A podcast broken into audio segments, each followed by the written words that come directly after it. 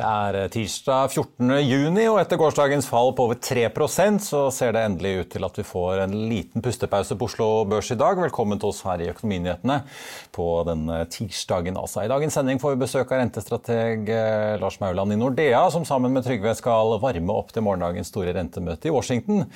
Og så må vi jo også få gratulere noen jubilanter i dag. Det er i dag 50 år siden både Oljedirektoratet og Petroleumstilsynet ble til, og som i 32 år da var en del av samme organisasjon før de to skilte lag. Og så er det jo også 50 år siden da Stortinget vedtok etableringen av Statoil, som vi i dag kjenner som Equinor. Tabloid kalt uh, vår alles felles pengemaskin da den 14. juni 1972. I markedet nå så er hovedindeksen opp Eh, en 0,2% og er da så vidt i grønt. Men vi startet jo opp 1,6 eh, på det meste i morges. Men den oppgangen har altså dabbet litt av utover dagen, og vi ligger nå på 1196 eh, poeng. Det betyr at hovedveksten så langt i år er så vidt i minus med minus 0,4 Rundt oss i Europa så er det med unntak av Helsinki stort sett rødt jevnt over, men futuresene på Wall Street de peker oppover da etter den ganske solide nedgangen vi så i går. Så kan jo vi nordmenn glede oss da over at dollarprisen holder seg høy fortsatt. Den er nå oppe i 123 dollar og 30 cent i spotmarkedet for et fat nordsjøolje. Den amerikanske lettoljen ligger da like bak på 122 dollar. Når vi først er inne på råvarer og energi, i dag ble det klart at Gazprom reduserer gassleveransene sine til Europa kraftig via rørledningen Nord Stream 1, som altså ikke må forveksles med Nord Stream 2, som eh, nylig ble stanset etter Russlands invasjon av Ukraina, altså ferdigstillelsen av den. I en melding på Twitter i dag skriver Gazprom at eh, de maksimale leveransene nå fremover blir 100 millioner kubikkmeter naturgass daglig gjennom rørledningen mens man opprinnelig planla for 167 millioner kubikkmeter. og Det er jo da et kutt på 40% De skylder på at Siemens ikke har returnert eh, kompressorenheter fra vedlikehold i eh, tide. og Gassprisen den har eh, reagert opp ganske resolutt i dag, i hvert fall hvis vi ser da på nederlandske gassprisen TTF. Den er oppover 10% på den kommende månedskontrakten da, til 93 euro og 40 cent.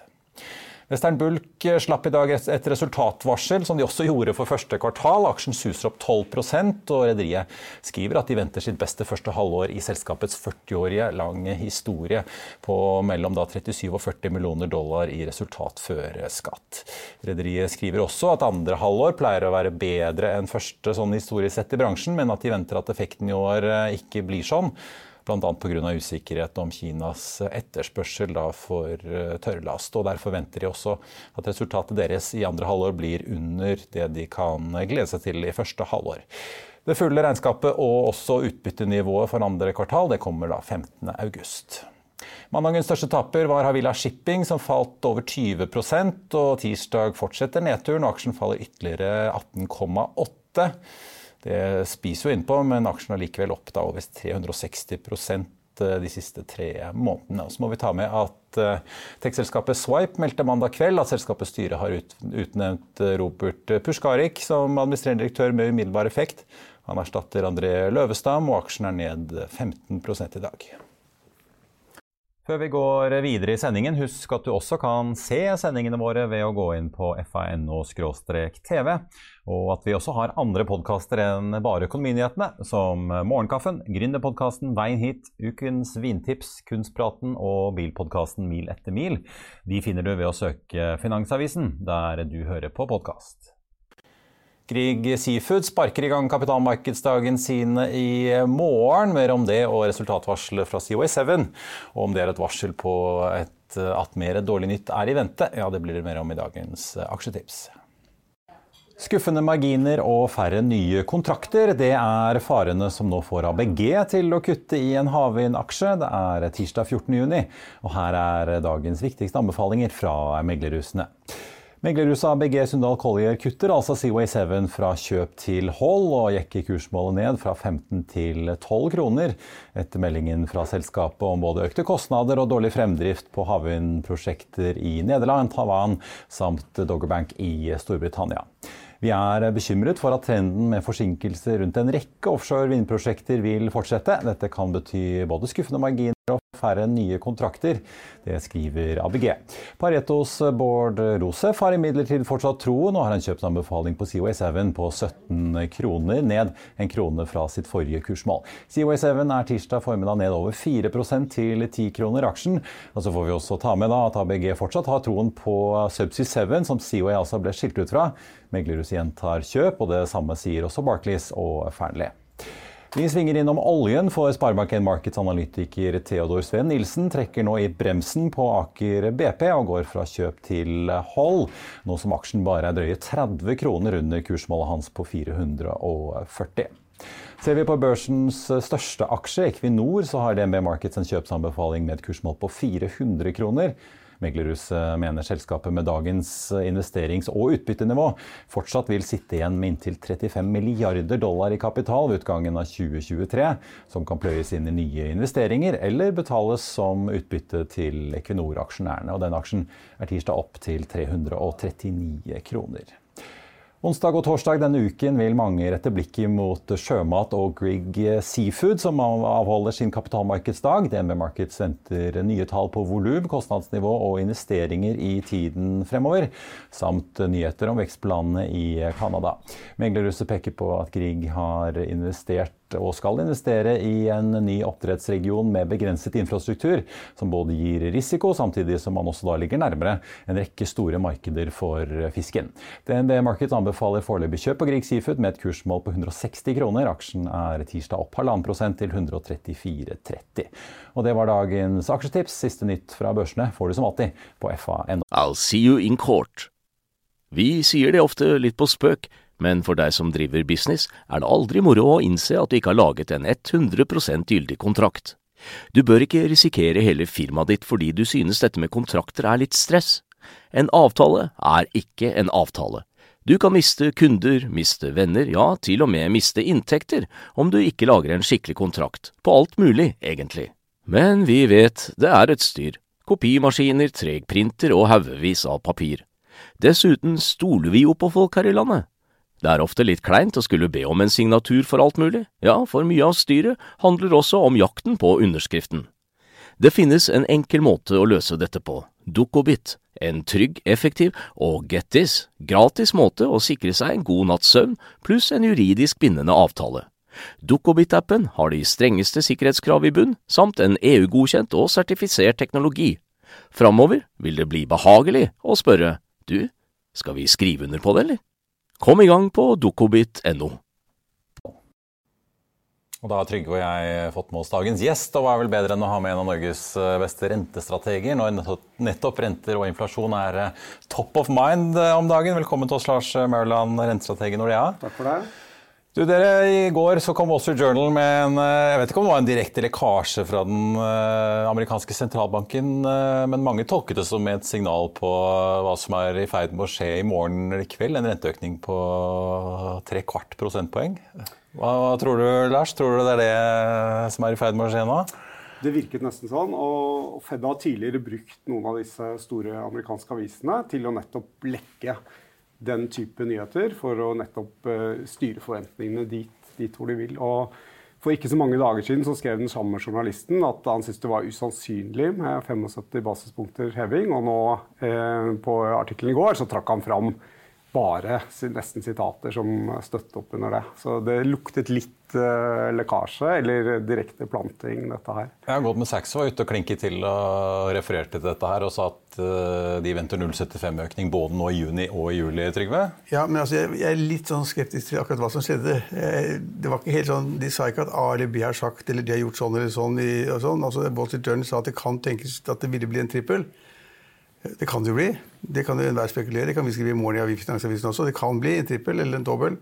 Så jeg er ikke sikker på om det var så godt forankret, eller jeg er ikke sikker på om det var plantet. altså det er jeg ikke sikker på. Og det er, Hvis du blir tatt i Amerika på at du bevisst planter det, så får det så store konsekvenser. da, i, altså Folk forfølger deg sånn. Så, ja, jeg, jeg, tror kanskje journalisten og litt, noen andre var litt ivrige på å si liksom at nå har vi et eller annet som slår. Det som var det viktige i hele saken, det var det at da markedet trodde det, kom da som en, plantet uh, nyhet da fra Fed til uh, til Wall Street Journal, så reagerte markedet kraftig. så liksom, det var det Effekten av det som de sa, det, den var jo større, den var kanskje større enn noen hadde tenkt seg. Og det var jo det som etter min oppfatning slo ut i markedene all over. Altså. Og, og, at, og, Det er en lang sak, men altså, at Nasdaq skulle falle nesten 5% det er mye på en dag. Å ha falt i uken før også. slik at det utfallet etterpå ble veldig stort. da. Det er det som er spenningen om Blir det dempet etter hvert til i morgen, liksom blir det, eller blir det liksom fanget opp at sånn blir det, og alle tror det blir sånn, og så blir det sånn. Og Da tror jeg vi ser en ganske skummel utvikling. For da har man sagt at liksom, det blir en trippel. Det gjør vi fordi vi må. Veldig, vi må gjøre noe alvorlig. Og så tror alle på det. Mm. Og da, da, vil andre følge opp. Da kommer andre, jeg vil tippe, jeg vet ikke hva du sier, men jeg vil tippe at andre sentralbanker da følger opp ganske kraftig. Det kan være, men samtidig så er det jo i USA kanskje inflasjonsproblemet er aller størst. Og du virkelig har fått denne pris-lønnsvekstspiralen. Den ser vi ikke i noen særlig andre land. Ja, det kom en melding i dag, var 7,2 Hva var det? Var det, var det EU? Var det, kom en ny melding. Var det, var det Frankrike? Hvor var det kom? Det ligger da, med, altså EU har ligget i prisvekst på 7-8 de også. Ja, Vi har jo ikke fått gjennom alle lønnsforhandlingene i EU ennå. Så det eneste er å se hva, hva vi ender opp med der. Men, ja. men de, europeiske lønnsarbeidstakere bør jo også få kompensert for, for høye, høy prisvekst. Hva tror dere skjer i morgen, da? Jeg tror de hever 75 punkter, og de burde jo hatt en rente som var mye høyere allerede. Det har de mm. sagt ved flere anledninger. Det er også lettere å følge markedet når de allerede har priset det inn. Eh, og det er jo ikke sånn som i USA som her i Norge, at disse 75 punktene blir veltet ut på amerikanske husholdninger med en gang. Langt de fleste har fastrente, så de færreste vil jo egentlig merke så mye til denne renteoppgangen. Ja, de fleste sitter jo med sånn 30-årige fastrentelån. Ja, det er kanskje mest i finansmarkedet hvor det er mye større grad av kortere finansiering. At det slår uh, hardere inn. Uh, og den effekten har vi vel kanskje sett i stor grad allerede. Mm. Uh, så, så det, Forrige gang så, så, hevet Fed 50 punkter, og det var jo ikke helt klart at det skulle heve 50 da. Og da trakk jo markedet litt lettelsesukk etterpå. Så det kan jo godt være at det samme skjer i morgen. Hever 75 punkter, og allikevel så så trekker markedet et liten lettelsessukk og kanskje frykter at det skulle være noe enda verre i vente? Ja, jeg, altså jeg tror at det blir 75 punkter, jeg også. 75 basispunkter. Og, og, så tror jeg på de som da sier det, men det er jo det er så mange meninger. da. Men altså er Noen som sier at dette var bare første av 100 tripper, Det kommer igjen i juli også, og det kommer igjen i september. Og Da begynner det å bli ganske skummelt, for det er ganske kraftige økninger selv til USA og verden når de slår til. Og det vil jeg tro smitter over. Jeg har snakket med noen andre økonomer, og de sier at uh, Norges Bank vil ikke komme med en dobbel neste gang. liksom vil komme med 25 basispunkter. Jeg tror Norges Bank kommer til å følge opp med en dobbel. Vi snakker litt sport her nesten. Fordi vi er inne i et område nå hvor er, prisveksten er for stor i for mange land. Og så ser det ut som sentralbankene henger etter. altså de, på rentekurven de henger etter, og de har ikke gjort nok. Og så må de ta det igjen. Og det å ta igjen er det verste du kan gjøre. For da må du liksom da overdrive. Og det slår sannsynligvis sterkere ut i økonomien mange steder enn mange enn andre ting du kan gjøre. Og Da har vi det gående litt, og da, da begynner jeg å nærme det punktet som vi har skrevet om, andre har skrevet om i flere måneder, at det kan bli en recession der ute. Og det er ikke så bra. Nei. Jo, ja, altså her i Norge vil det jo svi i hvert fall på de fleste boliglånskundene. Det er jo ikke så veldig mange som sitter med fastrentelån. Norge er jo under 10% Ja, så det vil jo, en, Hvis det kommer en dobbel leving neste torsdag, så slår jeg det ganske fort inn allerede rett over sommeren. vel. Bankene må jo varsle dette her og litt sånn. Seks uker pleier det å ta fra bankene varsler, og de pleier å følge opp ganske fort ja. etter Norges Bank hever. Gjerne dagen etter eller et par dager etter.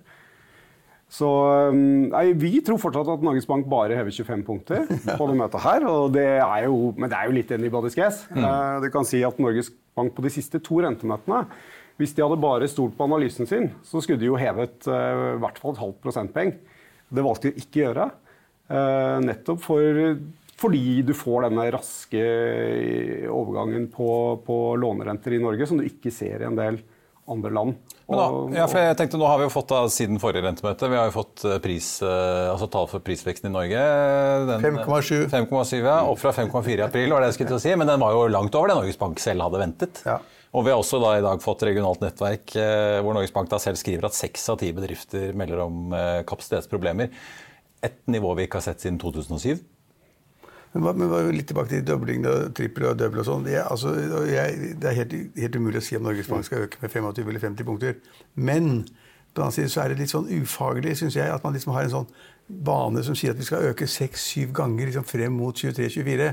Altså det, blir det, blir liksom for gale signaler. Liksom vi skal bare gjøre det litt, liksom, for det trenger vi, for det er liksom den utviklingen økonomien går i. Men vi er et noe mer turbulent marked, tror jeg. Derfor må de gjøre noe annet enn det de pleier å gjøre. De sier ok, seks-syv ganger, det forventer alle. Men nå viser vi at vi tar tak i det. For prisveksten i Norge er også høyere som du var inne på, Marius, enn det man trodde det ville bli. Og selv om SSB sier at den skal ned i 4,7 fra 5,7, og den skulle vært 3,3 mind you, i oppgjøret, eh, så er det såpass store avvik fra det man kanskje har forventet. at jeg, altså jeg tror de kommer til å slå til, og det, det bør de gjøre. Og så er det også slik at De hever jo renten umiddelbart i banken, som du sier, umiddelbart dagen etter omtrent men ikke med så veldig mye. Altså, det er bitte lite grann. ikke sant? Så liksom det, det, der monner ikke. Og innskyterne får ingen økning. Altså, det er bare låntakerne som får Nei, Som regel får du én beskjed om at boliglånet har økt med 0,25, og så får du beskjed om at innskuddet ditt har økt 0,2, og så lurer du på hvor den siste femmeren ble av. Ja. 0,4, liksom. Så, så, men, men, så skal vi ikke henge ut banksektoren her eh, altfor mye, da. Men.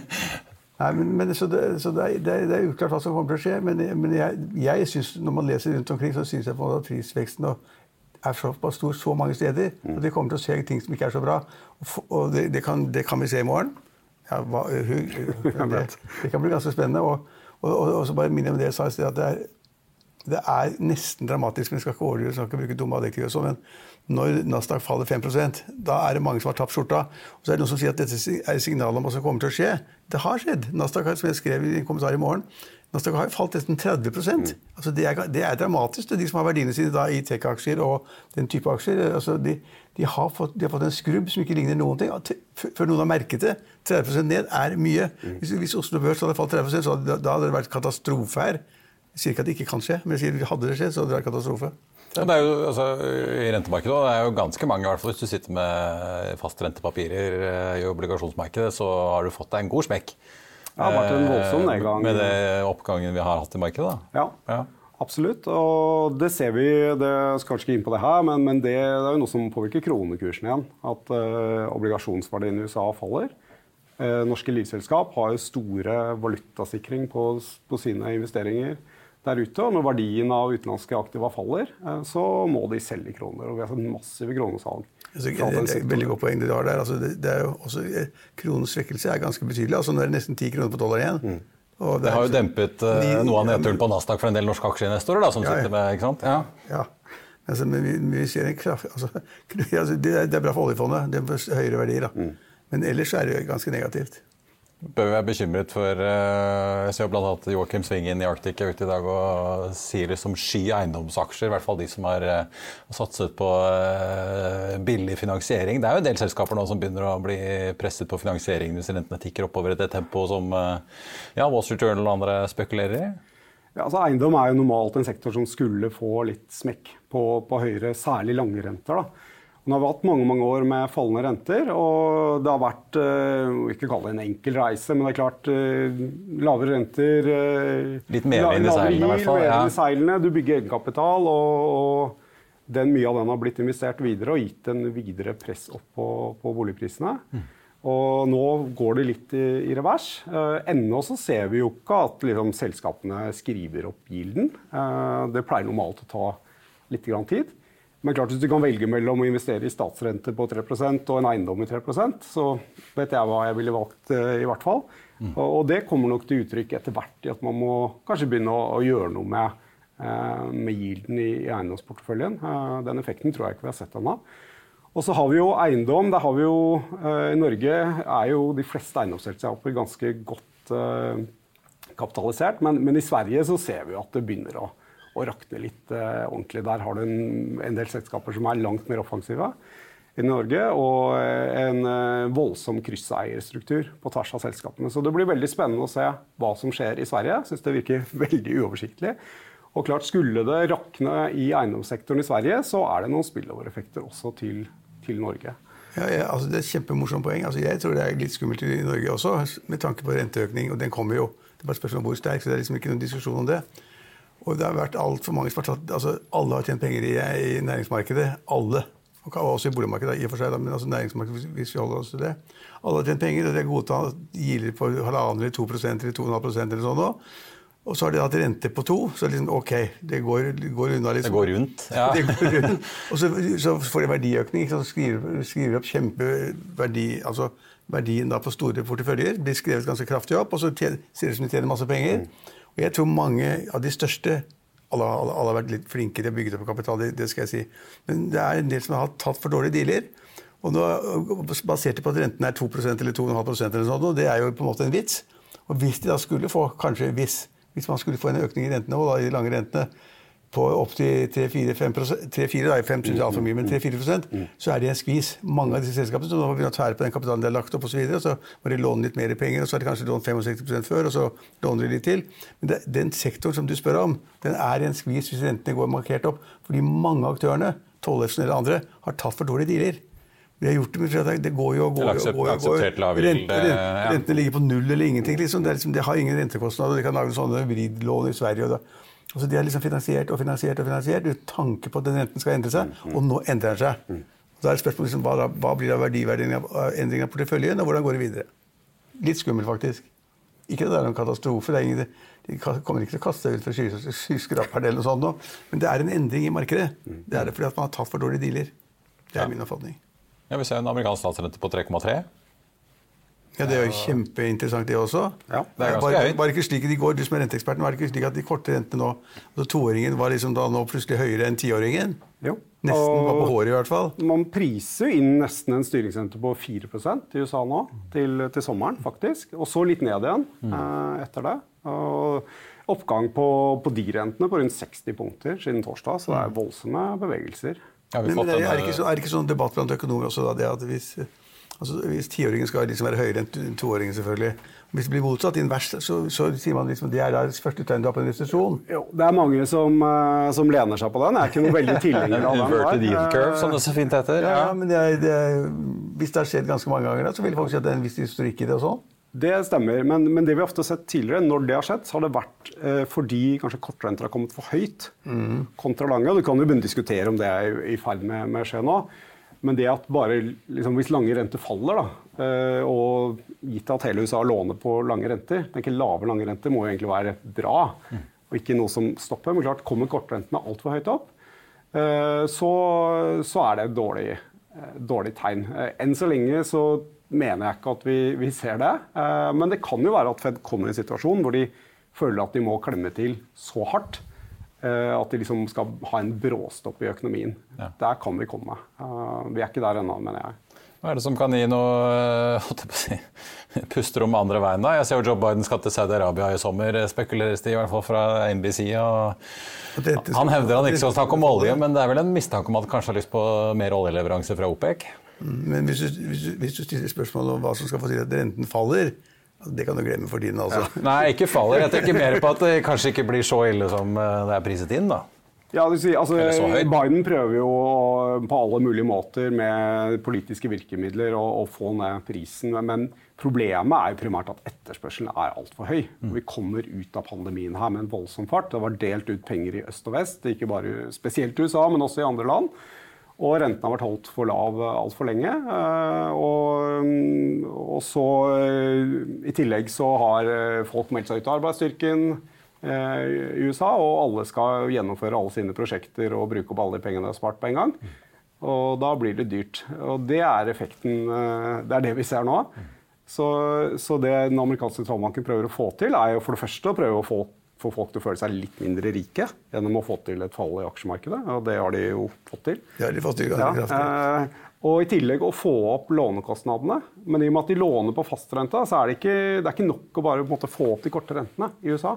Du må få opp de lange, og i tillegg så må de eh, lange rentene være høye en stund. Mm. Så jeg så at den boliglånsrenten i USA på 30 år var oppe i 5 nå, men det er jo likevel 5 det er jo ikke Ja, det er snakk om over 6 Da er det jo ingen som refinansierer, selvfølgelig, nei, hvis ikke de må, men Og eh, alle amerikanske husholdninger eh, har refinansiert de siste to årene på rente på rundt 3 da sitter du med 30-årslån på 3% Det blir ikke noe dyrere det, selv om Fed setter på renta. Da er det pumpeprisen hos Chevron nede i gaten som svir. Og den er jo bikket 5 dollar. Så ja. de, de, har en vanskelig, vanskelig oppgave. Da. Og det mener jeg også er en sånn forskjell i pengepolitikkens virkning i Norge og USA. Det der med høy grad av fastrente og ikke. Og også gjør at Norges Bank ikke trenger å være så het på grøten som det eh, Fed er, da, med, med, rentehevinger, fordi det slår mye hardere inn med en gang man gjør ting. Mm. Den store X-en akkurat nå, da, i tillegg til da, altså Norges Banks nettverk osv., det er jo det at lønnskostnadene kan ta helt av. Mm. Kan, Jeg sier ikke at det vil, jeg sier de kan ta helt av. for det, det er så mye mangel på folk ute i arbeidsmarkedet. Altså, jeg er jo litt sånn interesse i hotellnæring og restaurantnæring og sånn. Mm. Du får ikke tak i folk. Altså, du mangler liksom, Skulle du hatt 80 ansatte, så har du 15 for få, ikke sant? og du får ikke kokker. Mm. Tjener for lite, sannsynligvis. Det er noe helt annet. Men det er mangel på arbeidskraft overalt. Og så er det altså leveringsproblemer og så er det forsyningsproblemer. Og, så er det, det er noe, og I USA så er det da på en måte, så sier de at ledigheten er lav, altså historisk lav. Samtidig er det masse ledige stillinger. Mm. Det vil jo slå til lønningene. Det vil være merkelig om ikke tyngdeloven gjelder. altså Vannet renner nedover. Så du vil få en lønnsvekst i mange land som man kanskje ikke har tenkt seg. Mm. Også i Norge. Mm. Og da vil det hele, det hele vårt altså, tariffoppgjør, som var basert på da en, en, en en lønnsvekst på 3,7% som alle måtte godta. Mm. Pga. frontfagsmodellen. Alle måtte godta uten å blunke. Det vil bli, det kan lage som, bli en sånn gnagefaktor i, mellom NHO og LO og regjering osv. Fordi at alle vil etter hvert se det at reallønnsveksten er borte. Vi betaler mer, mer for strøm, vi betaler mer for bensin. og Alt er gærent. Og så, får, så det kan være ganske skummelt hvis da man får noe krav om lønnsøkning utover det man har snakket om. Da du var her i fjor høst Lars, så snakket om at det var rekordmange utlyste stillinger i Norge. men eh, jeg ser ja, det, jo det har bare fortsatt. Jeg ser jo regionalt nettverk, så sier jo bedriftene at de venter en lønnsvekst på, eller øk, altså, økning i lønnsutgiftene da på 3,9 i år, ikke 3,7 som ja. ved forrige undersøkelse. Det syns jeg var lavt. Altså. Så de er jo også, nesten litt forsiktige. det syns jeg også var lavt. og Jeg tror Norges Bank egentlig var veldig fornøyd med det lønnsoppgjøret som kom. Mm. Jeg tror også de er veldig fornøyd med at de ikke ser enda tegn til sterkere lønnsglidning. Eh, helt enig at det er en reell risk for at den glidningen blir mye høyere, egentlig, men foreløpig ser vi det egentlig ikke. Um, og um, Det er motsetning til USA. Der har du mye mye sterkere Du har jo ikke sentrale oppgjør, og, folk bytter jobb. Uh, går til konkurrentene over gata for dobbel lønn i, mye større grad. Og I USA så får jo amerikanske husholdninger stort sett igjen den uh, prisøkningen vi ser på varer og tjenester i høyere lønn. Mm. Uh, I Norge så skjer jo ikke det på samme måte. Det, det skjer jo etter hvert over tid.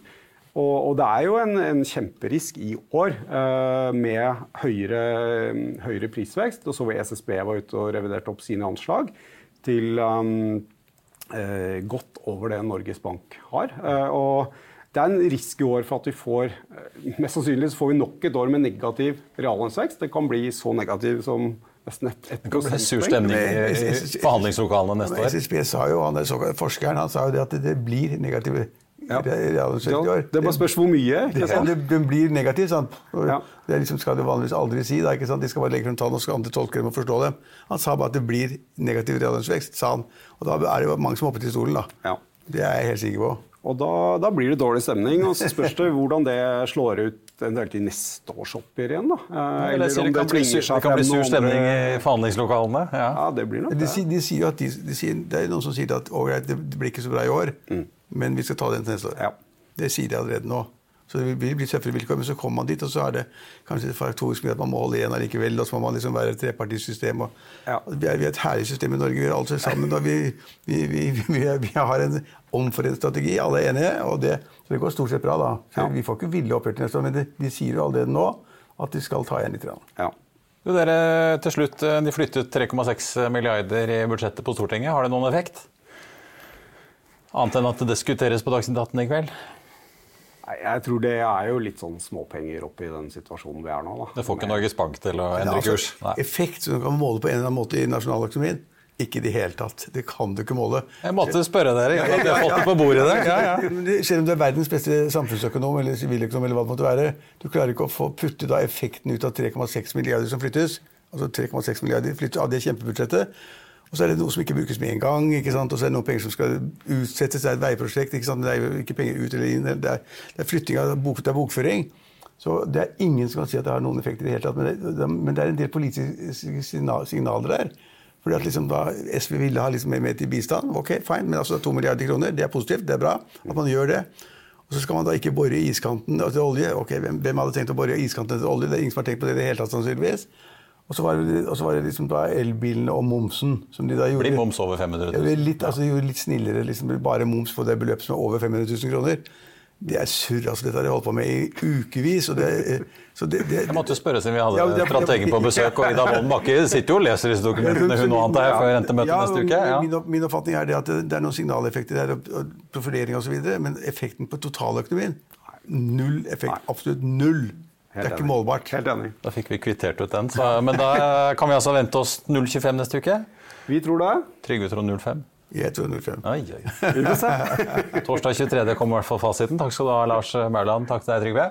Da skal vi over til krypto, for selv om bitcoin prøvde seg med et lite comeback i dag, så har kursen deiset ned igjen, og vi ligger nå på under 22 000 dollar i dette øyeblikk. Bloomberg har en eh, oppsummering for oss, og så er vi tilbake etter det og dagens eh, børsgraffer. What about Bitcoin? Oh, Bitcoin's fantastic. Uh, you know, I, I, I think I think. Wait, wait. Bitcoin's fantastic. No, no, it's, doing, it's, 22,000. it's fantastically Great story. interesting.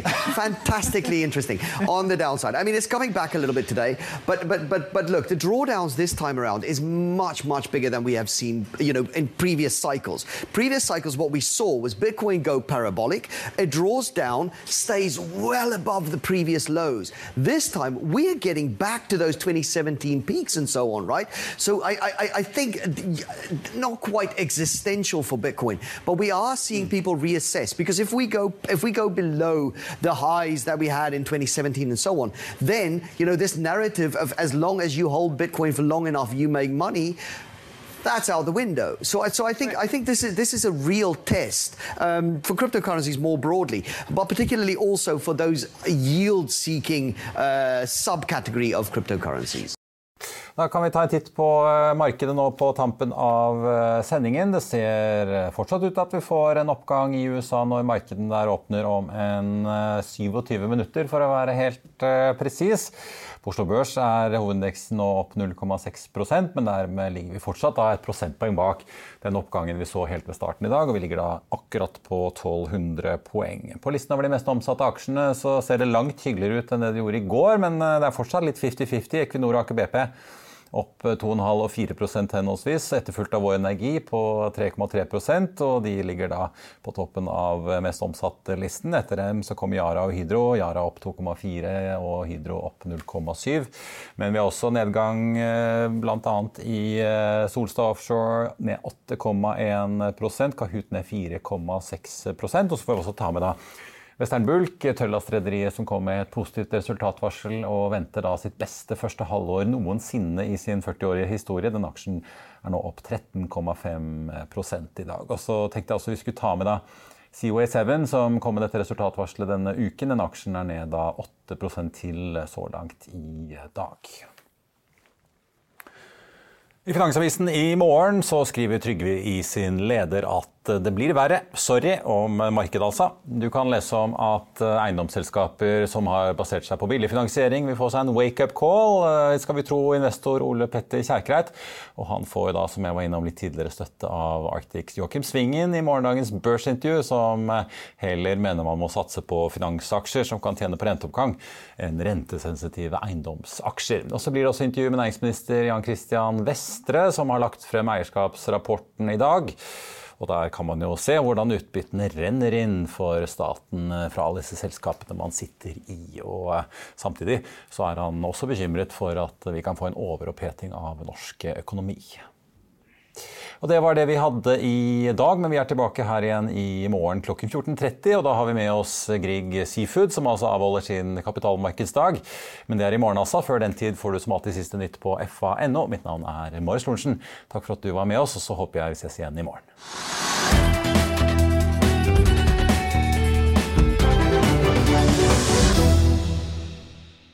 Økonominyhetene er en podkast fra Finansavisen. Programledere er Marius Lorentzen, Stein Ove Haugen og Benedikte Storm Bamvik. Produsenter er Lars Brenden Skram og Bashar Johar. Og ansvarlig redaktør er Trygve Hegnar.